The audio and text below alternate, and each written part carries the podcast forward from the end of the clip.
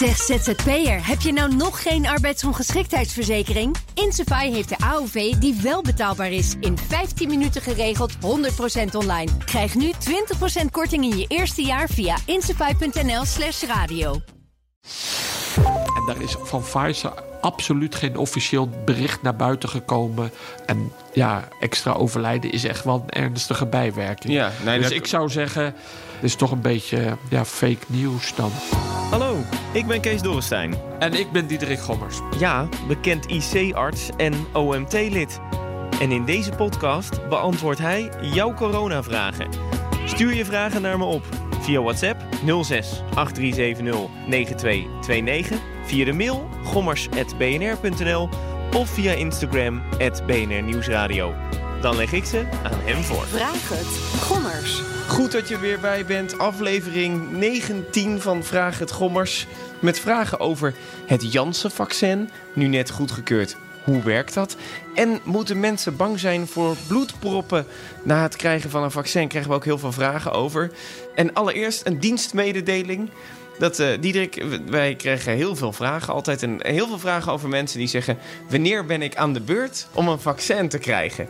Ja, en ja, daar gaan wij niet over. Dus dat is heel lastig te beantwoorden. Maar sinds vandaag is op eh, eh, vaccinatie.nl... of coronavaccinatie.nl is het volgens mij... eh, daar, daar heb je zo'n extra tool is ingebouwd. kan je precies uitrekenen met een vragenlijstje... wanneer je aan de beurt bent. Dus bij deze... Oh, Stond je, goed. stond je op het punt om nu naar ons te appen... wanneer ben ik aan de beurt? Ja, dat kunnen wij dus heel lastig beantwoorden. Wij, ja, wij zijn niet de Rijksoverheid. Ehm, dus de- controleer dat dan eventjes op die site... En dan zijn bij deze de vragen allemaal beantwoord. Ja, mooi. Dat scheelt weer heel veel appjes. Ja, maar het is ook wel fijn om te weten. Ik Ja. kan me ook voorstellen. Het is ook goed dat ze dit gemaakt hebben. Kijk, ja, weet je, ik ben eh, 34, dus ik weet, ik ben aan het einde aan de beurt ergens. ik moet gewoon nog wachten. Maar ik snap dat als je bijvoorbeeld 65 bent of je hebt onderliggende klachten, dat je dat misschien wel zou wi- willen weten. Want dan zou je nu toch ergens. En krijg je dan ook te weten welk vaccin? Want dat hebben sommige mensen ook nog. Dat ze wel willen weten welk vaccin ze krijgen. Ja, er zou op zich in het vaccinatieschema staat dan wel onder welke groep je valt en welk vaccin je krijgt. Oké, maar dat is ook wel fijn om te weten. Ja, nou dat, ja, kijk, bij de, de, de meeste is AstraZeneca volgens mij. Maar ze zijn nu de echte, de, de wat oudere 70-plussers volgens mij met Moderna en Pfizer. Maar dat weet ik dus niet helemaal zeker. Maar kijk daarvoor, daarop. Toch? Ehm, nou, laten we maar direct beginnen. Dit is echt de meest prangende vraag die door iedereen binnenkomt. Eh, onder andere Lily, Roelien, Brigitte hebben die gestuurd. Zij zeggen deze week in het nieuws in meerdere landen... stoppen ze voorlopig met AstraZeneca... Eh, omdat het bloedproppen zou kunnen veroorzaken. Nu zegt een van die drie ook: ik slik bloedverdunners. Hoe gevaarlijk is dat? Ja. Nou, je schrikt er wel van. Ja, ik, Ehm, ik dacht ook wel eventjes: wow, wat is dit? Ja, Ehm, maar in Denemarken is nu één persoon overleden na vaccinatie met, een- als gevolg van een bloedprop. Ehm, en ze hebben uit voorzorg het gestopt. En ze willen verder onderzoek doen. Nou, wat we weten is dat COVID-19 bij sommige mensen leidt tot trombose. En daar hebben we het al vaker over gehad. Trombose is bloedproppen, toch? B- bloedpropjes. En als je een hele grote bloedprop hebt, dan noem je het een longembolie bijvoorbeeld. Ehm, en kleine bloedpropjes, nou, die kun je in je longen en kun je ook in je hart. Hè. Dan krijg je een hartinfarct. En ze kunnen ook in de hersenen voorkomen. TIA of ernstiger, een CVA. Ehm, en dus bloedpropjes komen heel veel voor bij mensen. Eh, en nu is het een beetje de vraag: als je nou het vaccin krijgt, krijg je daar een bloedprop van? Of eh, krijg je van COVID een bloedprop? Maar het belangrijkste eigenlijk is dat je van het vaccin geven, dat hebben we al vaker uitgelegd, dat je daar geen COVID van kan krijgen. Want je geeft alleen maar een stukje genetische code. Daar wordt het eiwit van gemaakt, het spike-eiwit. En dat maak je antistoffen tegen. Wat belangrijk is, is dat je altijd heel scherp in die wedstrijd zit. En nou, wat blijkt nu? In Europa wordt dat goed in de gaten gehouden. En er hebben al 5 miljoen mensen het AstraZeneca-vaccin gekregen in allerlei landen.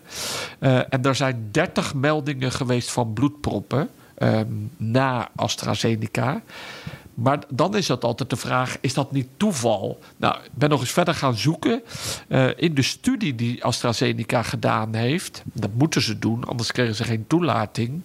Hebben ze 20.000 mensen geïncludeerd in die studie, waarvan 10.000 controle waren. Die kregen placebo, hè, een beetje water.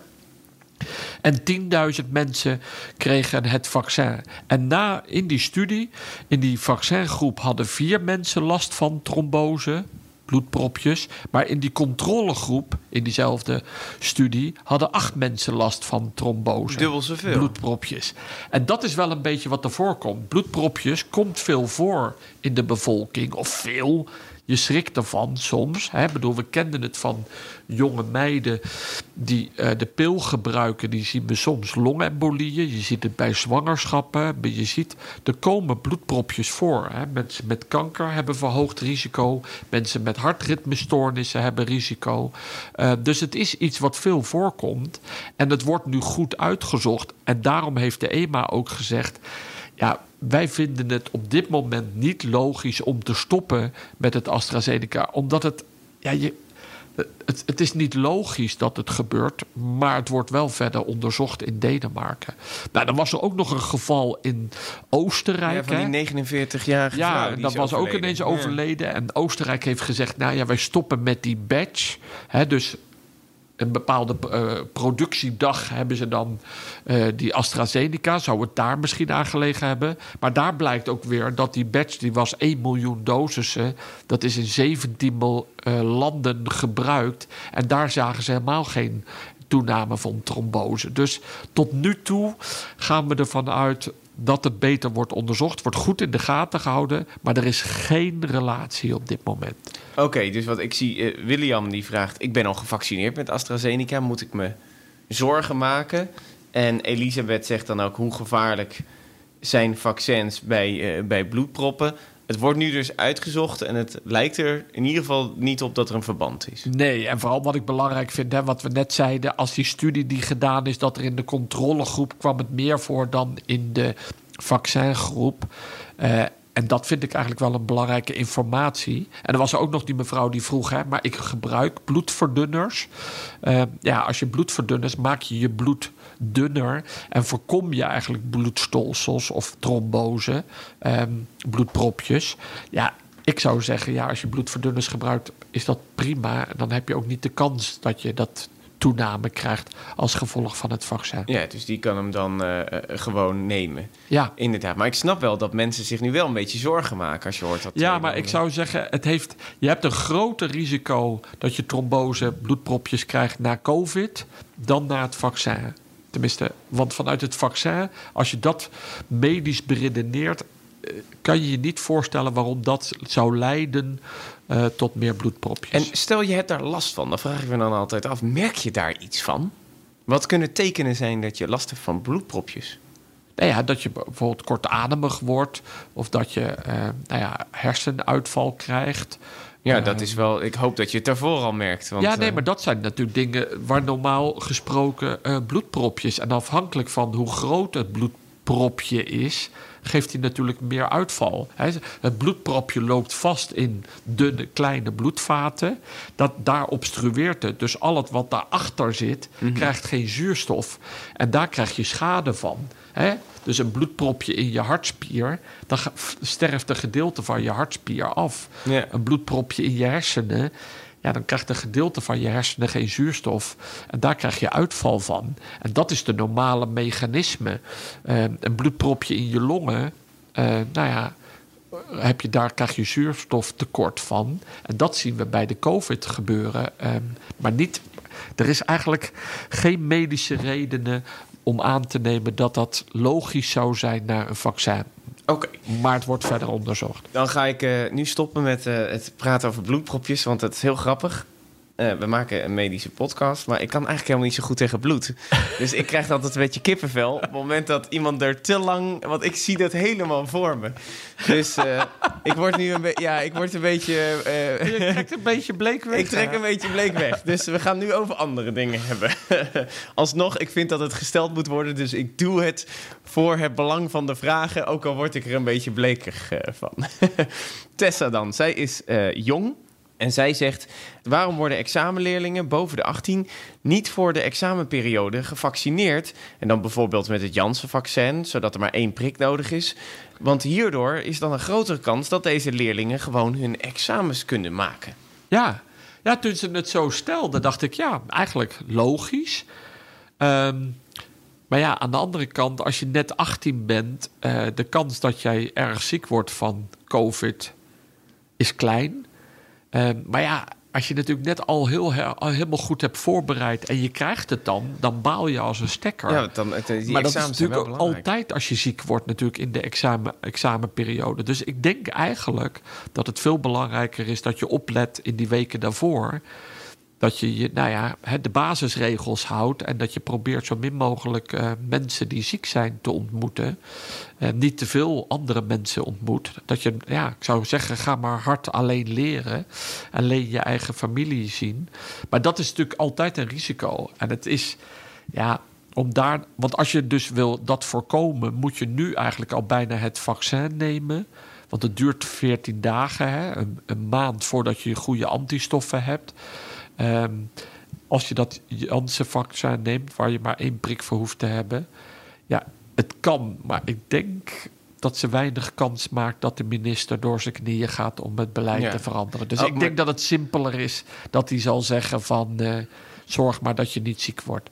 Ja, precies. Ook al een heel makkelijk antwoord natuurlijk. Maar plus, uh, sowieso iedereen onder de 18 mag ook geen vaccin, uh, volgens mij. Hè? Nee, ja, het is, uh, de, we hebben afgesproken dat alleen maar volwassen mensen kunnen worden gevaccineerd. Nog geen mensen onder de 18. Officieel weet ik van het Pfizer-vaccin, dat is getest 16 plus. Maar we hebben in Nederland heel duidelijk besloten dat het alleen maar de volwassenen zijn. Ja, dus dan heb je alleen vooral de VWO-kandidaat uh, heb je te pakken. Want anders ja, ben je ja, vaak gewoon de zittenblijvers. En de zittenblijvers, ja. Voor al de zittenblijvers, let vooral goed op. En uh, ja, dan is het opsluiten om uh, goed te leren voor de examen misschien juist wel extra handig. Aangezien je misschien bent blijven zitten. Dus dan een beetje bijleren, dat kan dan geen kwaad, denk ik dan. Joop dan, die heeft een vraag en die zegt... ik lees dat in Israël heel veel overlijdensgevallen zijn... bij mensen die onlangs gevaccineerd zijn. Uh, klopt dit en blijft dit uit de publiciteit? Of is het een complottheorie waar ik dan misschien in getrapt ben? Ja, uh, hè, wat je vorige keer zei, af en toe stuur je de vragen door. Uh, en ik ben gaan zoeken, want ik dacht van, ik heb daar helemaal niks over gehoord. Nee, ik zag ehm, er niks over in de media. Nee, nee, dus ik dacht van, nou, heb ik dan wat gemist? Uh, maar er is wel een YouTube van een influencer uit Israël die in februari ergens dat geroepen heeft. Uh, en daar een YouTube-filmpje over heeft. En dat is ook wel weer weerlegd. Er is ook wel weer wat reactie op gekomen dat dat onzin is. Maar ik ben gaan zoeken en toen is wel is er heel duidelijk dat er in januari hadden ze echt een derde golf of ik weet niet hoeveelste golf, maar ze hadden heel duidelijk een toename van COVID-klachten met een piek op 22 januari en die ging daarna hard dalen. Dus je zag wel in januari uh, veel COVID-doden. En zij zijn gaan vaccineren in eind december, begin januari. En nu zien zij, ze hebben nu meer dan 50% van de mensen is gevaccineerd. Um, meer dan 90% van mensen boven de 50 jaar. En zij zeggen nu, als je die artikelen leest, dat ze een forse daling zien in nieuwe besmettingen. Maar vooral van ernstig zieke patiënten. Dus mhm. ja, ik kon niet vinden dat dit kwam door het vaccin. En ze hebben daar vooral het Pfizer-vaccin genomen. En wat ik vorige keer al vertelde, ze hebben dat ook echt met dit bedrijf overlegd. Dat zij hebben daar flink voor moeten betalen. Maar zij hebben ook gezegd, al die mensen die in Israël mee uh, gevaccineerd worden, doen ook mee in de studie. Dus ze gebruiken ook echt die data. Nou, en als er dus echt doden waren als gevolg van het vaccin, dan weet ik zeker dat een bedrijf als Pfizer dat gemeld had. Dus ja, want die zitten juist extra strak op die data, omdat Israël eigenlijk een heel groot testcentrum bijna Eigenlijk voor Pfizer wel. Hè? Dus naast hun studie, hè, want ze hadden al 43.000 mensen in hun studie. Uh, maar ze hadden ook met Israël afgesproken dat ze heel goed de mensen zouden monitoren, dus in de gaten zouden houden. Uh, en daar is van Pfizer absoluut geen officieel bericht naar buiten gekomen dat er bijwerken of ernstige bijwerkingen zijn van hun vaccin. En ja, overlijden, extra overlijden is echt wel een ernstige bijwerking. Ja, nee, dus ik zou zeggen, ja, het is toch een beetje ja, fake nieuws dan. Ja, nou, dat, het kan zijn dat ze inderdaad die data van dat er toch nog mensen in januari door corona zijn overleden, hebben gedacht van uh, uh, dat ja, die dat mensen dat geïnterpreteerd ze hebben. ja, Ja. Dat ze in januari ook veel aan het vaccineren waren. Maar Precies. zij hadden echt wel, als je kijkt naar die grafiek, hadden ze echt gewoon een dikke piek. Ehm, en als je kijkt naar hun in Israël, ik heb het nog even opgezocht, maar ze hebben nu daar ruim 800.000 besmettingen gehad. Met een, een kleine 6.000 eh, doden. En in, in Nederland hebben we 1,1 miljoen besmettingen gehad. Met bijna 16.000 doden. Ehm, dus ze hebben ook nog erg weinig doden gebaseerd op het Ja. aantal besmettingen. Dus ik, nee, ik Nee. denk dat dit eh, verhaal, dat we dat kunnen ontkrachten. Precies, broodje aap bij deze, Joop. Desiree dan? Zij zegt, eh, straks kan iedereen een sneltest kopen en ook doen... maar hoe gevaarlijk is het weggooien van die testen gewoon in de prullenbak? Want stel je blijkt het te hebben... kunnen andere mensen dan op basis van die test ook niet besmet worden? En eh, Lydia, die heeft er nog een vervolgvraag op... maar eerst die van Desiree. Nee, kijk, wat je doet is, hè, eh, in die sneltesten doe je een druppeltje bloed. Moet je in zo'n eh, cassette doen en dan moet je wachten. En dan zie je, nou ja, het lijkt op een soort zwangerschapstest. Eh, en dan kleurt die en dan weet je of je positief of negatief. Maar dat druppeltje bloed, ja, dat, die cassette gooi je weg. En dat druppeltje bloed is daar ingelopen. Ja, de kans dat iemand dat druppeltje bloed aanraakt. En, hè, want als hij dan positief zou zijn. Ja, je hoort het weg te gooien in de vuilnisbak. En ik neem aan dat jij niet in de vuilnisbak van een ander gaat zitten vroeten. Dus, Ook niet de vuilnismannen of zo? eh? Nee, nou snap je, want het, is, het droogt op, bloed droogt uit. Kijk, je loopt veel meer risico op als iemand tegenover je zit en die zit te hoesten. Dan krijg je die waterdruppeltjes met miljoenen virussen binnen. Eh, ik, dat vind ik een groter risico dan die sneltesten. Ja, oké. En, en Lydia die zegt dan... bent u niet bang dat de testen te duur worden... waardoor studenten en mensen met minder geld ze niet gaan nemen? Nee, kijk, wat het lastige is, en dat is ook best wel een lastige discussie. We hebben nu dadelijk eh, heb je een vaccin. De, je hebt dadelijk ook mensen die ja, gewoon corona hebben gehad. Die hebben antistoffen. Dus eigenlijk willen we dat ook gaan meten. En dan krijg je straks, hè, de minister is nu bezig. eh, we hebben gezegd, we willen eigenlijk niet een vaccinpaspoort. Hè, want dan dat geeft toch een sociale druk dat je het vaccin wel moet nemen. Dus eh, wat ik nu begrijp, oh, denken ze erover na dat je een app hebt waarbij je dan zegt van oké, ik heb of antistoffen omdat ik COVID heb gehad, of ik heb het vaccin genomen. Ja, of ik ben getest. Dat zou dan mogelijk misschien dan ook nog in zo'n app moeten komen dan toch? Ja. En dan wordt het testen natuurlijk wel belangrijk. Maar een test is natuurlijk maar voor ja, x bepaalde tijd geldig. Dus ik, ik, ja, ik denk dat ze daar nog flink over moeten discussiëren. Want het mag aan de buitenkant, dus hè, de, de, de, de, degene die bij de deur staat van een café of van een festival, een bewaker die jou binnen moet laten, mag niet kunnen zien of jij het vaccin hebt genomen of antistoffen of een test hebt gedaan. nou, dat testen, dat is natuurlijk tot nu toe, hebben we gezegd, wat ik begrepen heb van die field labs, hè, die, die test die ze dan doen, dat het maar een paar dagen geldig is. Ehm, want daarna kan je toch weer, je hebt geen antistoffen. Dus ja, je, in die tussentijd kan je natuurlijk toch weer iemand tegenkomen, het corona krijgen. Ja, dan heb je wel een negatieve test, maar die is maar maximaal 24, 48, 72 uur Ja, geldig. dus dan zou die weer uit de app moeten Ja, verdwijnen. die moet dan weer uit zo. die app verdwijnen. Ik weet niet. Dus daar zijn ze nog volop mee aan het discussiëren wat daar gaat gebeuren. En dan is het natuurlijk ook nog belangrijk dat die test goed moet uitgevoerd zijn. Eh, en we hoorden ook weer dat de GGD zegt: ja, maar wij gaan niet iedereen die tests doen. Dat, daar zijn wij niet van. Nee, maar je kan dus straks misschien ook een test kopen. Maar ja, dan, dan moet je het wel telkens blijven kopen. Dus dat kan wel een dure bedoeling worden dan. Ja, dus die test moeten dan goedkoop worden. Het moet je moet het dan ook nog goed doen. Hè? Dat is ook best wel even een handigheidje. Nou, dan blijkt dat er bij wet eigenlijk... moet die test eigenlijk door een arts gedaan worden. Dus de wet moet veranderd worden. Dus niet iedereen mag dat zelf dan... En dan moet je nog het resultaat van die test... moet dan ook nog in de app gezet worden. En dan mag je ook nog niet vals spelen. Nee. Snap je? Want als jij heel graag naar dat concert wordt en jouw test zegt, ja, je bent positief. En dan denk je, ja, hallo, ik heb helemaal geen klachten. Ik wilde heel graag André wil- Hazes ja, zien. Dus ja, snap je? Dus nou, ik weet het niet hoe ze dat gaan oplossen. Maar het is nou, het wordt nog best wel een dingetje, denk Ja, ik. goed over nagedacht worden. Eh, wat, wat dat betreft heeft Lydia wel een punt. Hopen dat het dan niet eh, te duur wordt. Nee, daar ben ik het helemaal mee eens. Ja, Erik. Die zegt, als je je handen moet reinigen met reinigingsmiddel eh, waar alcohol in zit, kan je dan ook niet een groot aantal coronavirussen doden door direct na de reiniging van je handen een soort van alcohol op te snuiven? Of dat je dan kan bedenken dat je een soort van alcoholverstuivers hebt en dan krijg je zo, dan kan je je neusholte schoonmaken en dan eh, zit er geen corona meer in. Ja. Nou, dat is wel een leuk bedacht, hè? want hij heeft wel gelijk. Hè? We maken ons handen schoon met alcohol. Ehm, in een bepaald percentage. Maar wat nadeel is, als je dat heel vaak doet, dan worden je handen heel droog. Want eigenlijk zit er op je handen een soort vetlaagje. En vaak zit er dus in die eh, alcoholdispenser ook een soort olie of een vettig iets. Want anders worden je handen te droog.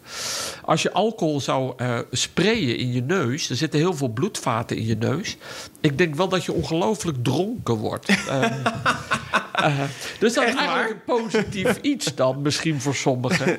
Ehm, en daarnaast, hij, bedoel, hij heeft gelijk, als die virussen nou, vooraan in je neus zitten aan de buitenkant van de cellen, dus op het slijmvlies, dan zou je met je alcohol dat be- bereiken en dan zou je dat virus kunnen doden. Maar eigenlijk gaat dat virus, dat zet zich vast op die cellen.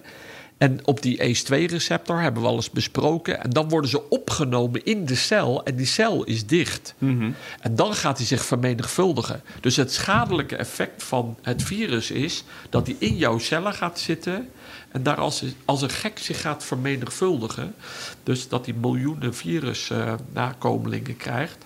Ehm, en dat ga je dan niet tegenhouden met je alcoholspray. Dus nee, het is leuk bedacht, maar het gaat niet werken. Het is vooral leuk voor in het weekend, als je eventjes wil voordrinken of zo. Je ziet even een paar Ja, dat weet ik. eh, eh, Omdat hij het zo vroeg, zat ik erover na te denken. Maar ik heb eigenlijk nooit gehoord of iemand snel dronken te zijn neus. Neusspray, inderdaad. Oh, wat grappig. Ik denk is- dat je het fijner is om te drinken niet. Dat denk, ik denk het ook wel, ja, inderdaad. Anders wordt het, dan is het echt puur je doel om dronken te worden. Dat denk Ja. ik ook. Volgens mij is een drankje vooral lekker en is het niet, hoeft het niet per se het doel te zijn om echt eh, hartstikke dronken te worden. Natuurlijk. Ehm, Samuel en Mark dan. Die zeiden het Janssen-vaccin is goedgekeurd. Eh hoe werkt het? Wat is de efficiëntie? Hoe veilig is het? Ja. Nou, Janssen-vaccin is een vectorvaccin. En dat hebben we vaker gehoord, want het AstraZeneca was ook een vectorvaccin. En het belangrijkste is, in tegenstelling tot het eh, Pfizer en Moderna, dat zijn mRNA-vaccins. En, en die, dat, die boodschap van die mRNA zit in die Pfizer en Moderna verpakt in een vetbolletje. En bij een vectorvaccin hebben ze dat eigenlijk verpakt in een onschuldig verkoudheidsvirus. En dat heet een adenovirus. En dat is zeg maar recombinant. Dus dat is gemaakt. En die is ook geïnactiveerd dat, dat je niet ziek wordt van die eh adenovirussen. Nee, maar en echt- adenovirussen zijn onschuldige Ja, verkoudheidsvirussen. zodat je het lichaam het gewoon opneemt. Ja, ja. en waarom hebben ze dat gedaan? Omdat verkoudheidsvirussen, ja, die komen in je neus, die komen in je cellen. En dan weet je dus dat, je, dat, dat die boodschap, hè, die genetische boodschap, dat die ook echt in jou goed in je cel komt. Nou, dat is dus, dus het is een goede methode die ze bedacht hebben. Wat ook nog eens anders is, het is niet een eh, de boodschap zit niet in een mRNA, maar het zit in een stukje DNA. En dus bij die vectorvaccin heb je nog een extra stap nodig. Want die DNA-boodschap die moet door je kern van je cel omgezet worden lokaal in mRNA. En dat mRNA gaat naar je eiwitfabriekjes eh, en maakt dan die spike-eiwitten. Dus het, is, het heeft dus een, eh, een virus nodig om de cel binnen te dringen. En het heeft een extra stap nodig om die eiwitten te maken, Ja. die spike-eiwitten. Nou, dan voor Janssen. Eh, het is net als AstraZeneca. Het is 66% beschermt het tegen COVID-klachten uit de studie, wereldwijd. Maar die studie is ook wel gedaan in Zuid-Afrika, waar relatief natuurlijk veel de Zuid-Afrika-variant voorkomt. En dat is wel een voordeel. Dus ze hebben echt laten zien dat, ze, eh, dat, ze, dat het ook werkt tegen de Zuid-Afrika-variant. Want als je kijkt, eh, ze hebben de test ook gedaan in eh, Amerika. Daar komt heel weinig de Zuid-Afrikaanse variant voor. En daar was de effectiviteit 70% Maar eigenlijk belangrijker schrijven ze dat 85% is beschermd tegen ernstige coronaklachten en 100% tegen ziekenhuisopname. Dus de eerste percentage wat wat lager is, gaat echt over corona-achtige klachten, zoals ze in die studie hebben gedaan. Maar het vaccin helpt heel goed tegen ernstige coronaklachten en vooral tegen ziekenhuisopname. Ja, je, wil, je wil vooral niet op, eh, in het ziekenhuis terechtkomen. Ja, want- en dus eigenlijk is het dus een, ja, in mijn ogen, maar dan kijk ik Ja. er met de intensivistbril naar. nou ja, het scheelt gewoon heel veel eh, mensen bij Ja. jou op de IC. En, nou, en dan, en, de- en dus in mijn ogen werkt het heel goed. Ehm, je kan er misschien een beetje lichte klachten van krijgen, maar ernstige klachten, daar beschermt het tegen. En dan zitten er daarnaast nog een, een paar hele belangrijke voordelen aan het Janssen. Nou, we zijn er ook wel een beetje trots op, want het het is uit gemaakt in Leiden. Ja. Eh, en dat doen we al heel lang. Ze doen daar al heel lang onderzoek met vaccins. Eh, maar je hebt maar één prik nodig. En, en je kan het in de koelkast bewaren. Eh, en het werkt dus goed tegen die Zuid-Afrikaanse variant. En ook tegen de UK-variant. Ja. dus eigenlijk. ehm, Een heel fijn vaccin. ja, Dan. want het scheelt dus echt. Hè, want als je 3 miljoen vaccins krijgt. Normaal met twee prikken kan je maar anderhalf miljoen mensen helpen. Maar nu kun je met 3 miljoen vaccins 3 miljoen mensen helpen. En zijn ze na twee tot vier weken goed beschermd. En nu is die mRNA-techniek van Pfizer en Moderna is relatief nieuw. Dat hebben ze natuurlijk al jaren testen ze dat bij kankerpatiënten. Maar wat betreft vaccins is het nieuw. Die vectortechniek, hoe oud is die? Hoe lang Ja, gebruiken die we al? gebruiken ze al heel lang. Want eh, de, dus in Leiden, dus het Janssen-vaccin... wat eigenlijk weer overgenomen is door Johnson Johnson. Ja, dat is een precies. hele grote farmaceut. Maar Janssen Pharmaceuticals, hè, die zat in België. En, de- zij- en deze techniek maken ze al vaker. Zij hebben ook met deze techniek het ebola-vaccin gemaakt. En ze hebben al heel veel vaccins met deze techniek eh, gemaakt. Ja. Zover ik begreep. Precies. Oké, nou bij deze, dat geeft dan weer een mooi beeld. Ehm, tot slot nog even een vraag van Lars. Eh, ik vond dat eigenlijk wel een, hele mooie vraag. En ik denk dat we met het antwoord veel mensen kunnen helpen. Hij zegt: Ik ben 26 en ben drie maanden geleden ziek geworden van corona. Hij zei eigenlijk dat hij er maar twee dagen echt ziek van was. En daarna nou, en toen eh, was, het, eh, was het weg. Hij zegt: Ik heb nu nog steeds wel vervolgklachten. Ik ben een fanatiek hardloper, maar ik merk wel dat, dat mijn, mijn adem snel op is. Ik kan gewoon niet meer eigenlijk sporten zoals vroeger. Wanneer kan ik wel weer echt gaan hardlopen? Wat weten we daar nu over? Ja, hele goede vraag. eh, want we krijgen die steeds meer. En, en dat is nu benadrukt dat we eigenlijk een soort COVID-long eh, syndroom hebben. Dus eigenlijk heb je langdurig klachten bij sommige mensen die COVID hebben meegemaakt. En daar is vermoeidheid wel een van de belangrijkste eh, klachten. Ehm, en, en je ziet dat. Eh, het hoeft niet per se alleen maar bij de mensen die op de intensive care gelegen hebben. Je ziet dat ook bij mensen die gewoon eigenlijk gezond, sportief Ja. eh, en eigenlijk. ehm, Nou, als, als om een voorbeeld erbij te pakken. Een, een vriend van mij, die is 32 volgens mij. Die bleek corona te hebben. Hij merkte er eigenlijk niks van. Hij is nu ook weer eh, genezen. Alleen hij zegt nu wel dat hij middagdutjes moet doen. Omdat hij af en toe gewoon buiten adem is van de trap opgaan. En dat hij dat nog wel heel erg merkt. Ja, dat is ongelooflijk, toch? Ja. Nou, en er komen nu steeds meer onderzoeken. Hè? Dus het is echt het long COVID. In Engeland zien ze al, daar maken ze echt klinieken voor. Misschien wel polyklinieken. Ik denk dat we daar echt energie en moeten op gaan letten... dat we die mensen goed gaan begeleiden. Zijn die er ook in Nederland dan? Ja, dat, ik denk dat dat wel opgezet gaat worden. Want ik, wij hadden eh, als Erasmus van de longziekte... hebben ze patiënten gevolgd. En die hebben nu in 92 patiënten nu de eerste data opgeschreven. Dat, die publicatie hebben ze nu ingestuurd. Maar daar zie je ook echt dat de longfunctie minder wordt... Eh, nog zes weken, maar ook nog tot zes maanden. Maar dat je wel langzaam herstel ziet. Ehm, je ziet ook nog steeds afwijkingen op de thoraxfoto als je die maakt. Ehm, en, en, maar ook daar zie je wel verbeteringen optreden. En het belangrijkste was eigenlijk dat de vermoeidheid. eh, dat dat ook wel afneemt over de tijd. Maar dat bij 51% van de mensen die meededen in de studie, dus bijna ruim 45, 46 eh, mensen dat die nog steeds na zes maanden nog steeds klachten hadden van vermoeidheid. Eh, en dat dat echt invloed had op hun dagelijks Maar functioneren. dan, maar dan nog steeds de- dezelfde klachten als aan het begin of wel minder? Maar wel minder. Ja. Ehm, en we hebben natuurlijk in het begin wel eens gezegd... Hè, bedoel, zou je dat kunnen verklaren met eh, een trombose-achtige... Hè, zou die mensen toch die bloedpropjes hebben in de longen? Maar daar blijkt uit studies uit Engeland... dat ze niet echt een vinger op de zere plek kunnen leggen... wat een verklaring is voor die vermoeidheidsklachten. Maar dat- dat dus vind ik een heel hoog dat er, dat er een reden voor is. Maar dat betekent dus 51% van de mensen die aan die studie heeft meegedaan, die dus COVID heeft gehad, die heeft dus na een half jaar nog vermoeidheidsklachten. Ja. Dat vind ik heel heftig. Ja, ja, en we kunnen dus niet, hè, wat ik eerder wel eens uitgelegd heb, hè, je kunt D-dimeren prikken in je bloed. Dat is een maat dat je dus bloedpropjes hebt. Nou, dat is niet verhoogd bij die mensen die nog klachten hebben. En je kunt ook niet, hè, er zijn heel veel. Maar dat heeft dus met de longen te maken.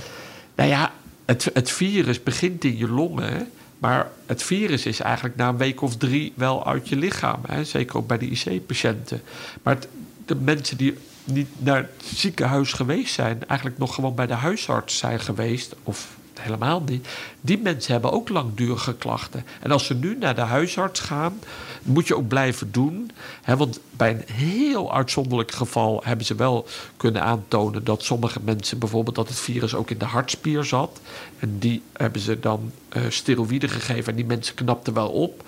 Ehm, maar dus bij het gros van dat aantal mensen vind je geen duidelijke oorzaak. En kan je dus niet zeggen. eh, het is dat, neem maar een medicijn en dan ben je er snel vanaf. Maar je moet dus eigenlijk, eh, zie je wel dat het afneemt, maar het gaat heel langzaam. En dit was dus een studie van het Erasmus MC. Ja, de, ja, de studie van het Erasmus MC is in 92 patiënten gedaan. Mhm. Eh, de studie die gelezen heeft ehm, in Engeland, dat is een grotere studie. Eh, en daar hebben ze gezegd van joh, we zien nog bij veel mensen dat ze klachten hebben. Ehm, en, en die vermoeidheidsklachten is eigenlijk de symptoom nummer één.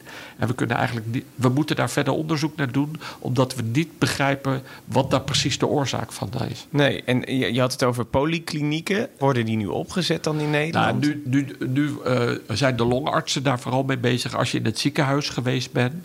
Eh, en de huisarts is daarmee bezig. Ehm, maar ik zou me kunnen voorstellen dat dit best wel een groot probleem is. En dat we daar in Nederland ook ehm, iets voor moeten gaan inrichten en ervaring moeten gaan opbouwen. Want Ja. je ziet gewoon ook bij de fysiotherapeuten en de revalidatieartsen dat ze zien dat er maar een traag herstel is bij sommige mensen met COVID. Zeker niet iedereen, maar bij sommigen valt het echt tegen. En wat, wat moet er dan uiteindelijk gebeuren in die polyklinieken? Kunnen, kan je daar dan naartoe als je corona hebt gehad en nog steeds moe bent om te Nou ja, herstellen? daar, daar, die, die fysiotherapeuten en die revalidatieartsen hebben daar natuurlijk programma's voor. En die passen ze aan voor de COVID-patiënt. Eh, en, en gaan ze oefeningen doen om, om ja, eigenlijk weer terug eh, jou weer in goede conditie te Ja. En er wordt nu dus van gesproken van moeten we die eigenlijk eh, gaan opzetten? Juist ook voor de mensen die niet in het ziekenhuis er, hebben omdat er gelegen. heel veel mensen toch in de problemen. En sommige mensen komen ook echt wel in de problemen dat ze daardoor hun baan niet meer kunnen doen. Daardoor financieel in de problemen komen. Dus het is ook best wel, hè, eigenlijk best wel indrukwekkend. En eh, dus eigenlijk moet je die mensen ook een beetje gaan begeleiden. Ja, Eh, maar voor, voor Lars dan? Eh, hij zegt, moet ik mijn lichaam niet wat meer gaan uitdagen... zodat ik wat sneller kan gaan sporten? Ja, maar ik zou dat wel. Ik zou naar zijn huisarts gaan en zeggen of die dat dan doet met een fysiotherapeut die hier ehm, ervaring mee heeft en nou ja, met meerdere patiënten ziet wat, wat de ene baat bij heeft en de ander. Snap je? Dat je eh, iets goeds doet. Ik bedoel, alleen maar roepen dat je meer moet gaan hardlopen of hard Ja. moet fietsen. Soms kan je het ook het verkeerde doen. Ja, en dan kan je juist misschien veel heftiger buiten adem raken. Ja, dan, dus ik eh, zou zeggen, doe dat in overleg met de huisarts. Oké, nou wat, eh, ik vind het wel eh, eh, ook wel een beetje heftig om te horen dat er nog mensen dus na een half jaar ook er last Ja. van hebben. Ja, en Maar- dus best veel. Ja, best veel. Alleen dat is wel 51% uit die 92. Ja, die uit het ziekenhuis kwamen. hè. Oh, die ook echt uit het ziekenhuis kwamen. ja, dus hier van de longartsen. En dus dat is nog niet getest bij mensen die het hebben gehad, vermoeidheidsklachten, maar nooit naar het ziekenhuis hoefden te gaan. Nee, zo, die, die, die, die studie heb ik niet gelezen. Nee. Maar dat zal. misschien moeten we daar nog even naar zoeken volgende volgende keer. Ja, ja en, eh, of, of misschien moet die studie een keer gedaan worden. Dat kan natuurlijk Ja, ook eh, ja. zo zijn. Ja. Nou, eh, bij deze, Lars, ik hoop dat je snel weer kan hardlopen. Wat dat betreft. Heb je zelf een vraag? Om dan toch nog iets positiefs te doen. Daar kan Diederik dus antwoord op geven. Als je die naar mij appt. Mijn persoonlijke nummer is 0683 709229. Of mail de vraag naar gommers.bnr.nl. En als je dan abonneert op de podcast, hoor je ook of die voorbij komt. Want elke week behandelen we dus weer een enorme sloot vragen. Diederik, tot volgende week. Ja, dankjewel. Hoi, Fijn weekend. Hetzelfde. Ga je nog een drankje doen? Nee. Thuis? Nee? Nou, thuis wel, denk ik. Ja, precies. Ja, daarbuiten niet. eh. Ja, maar ik heb vanavond nog eh, om 7 uur nog een webinar, een half uur. Oh. En, en ik heb morgen nog één, dus... Oh, nou, ja, nou, nou ja. Oké, laat de drankjes maar zitten. Dan, hè? Je moet scherp blijven.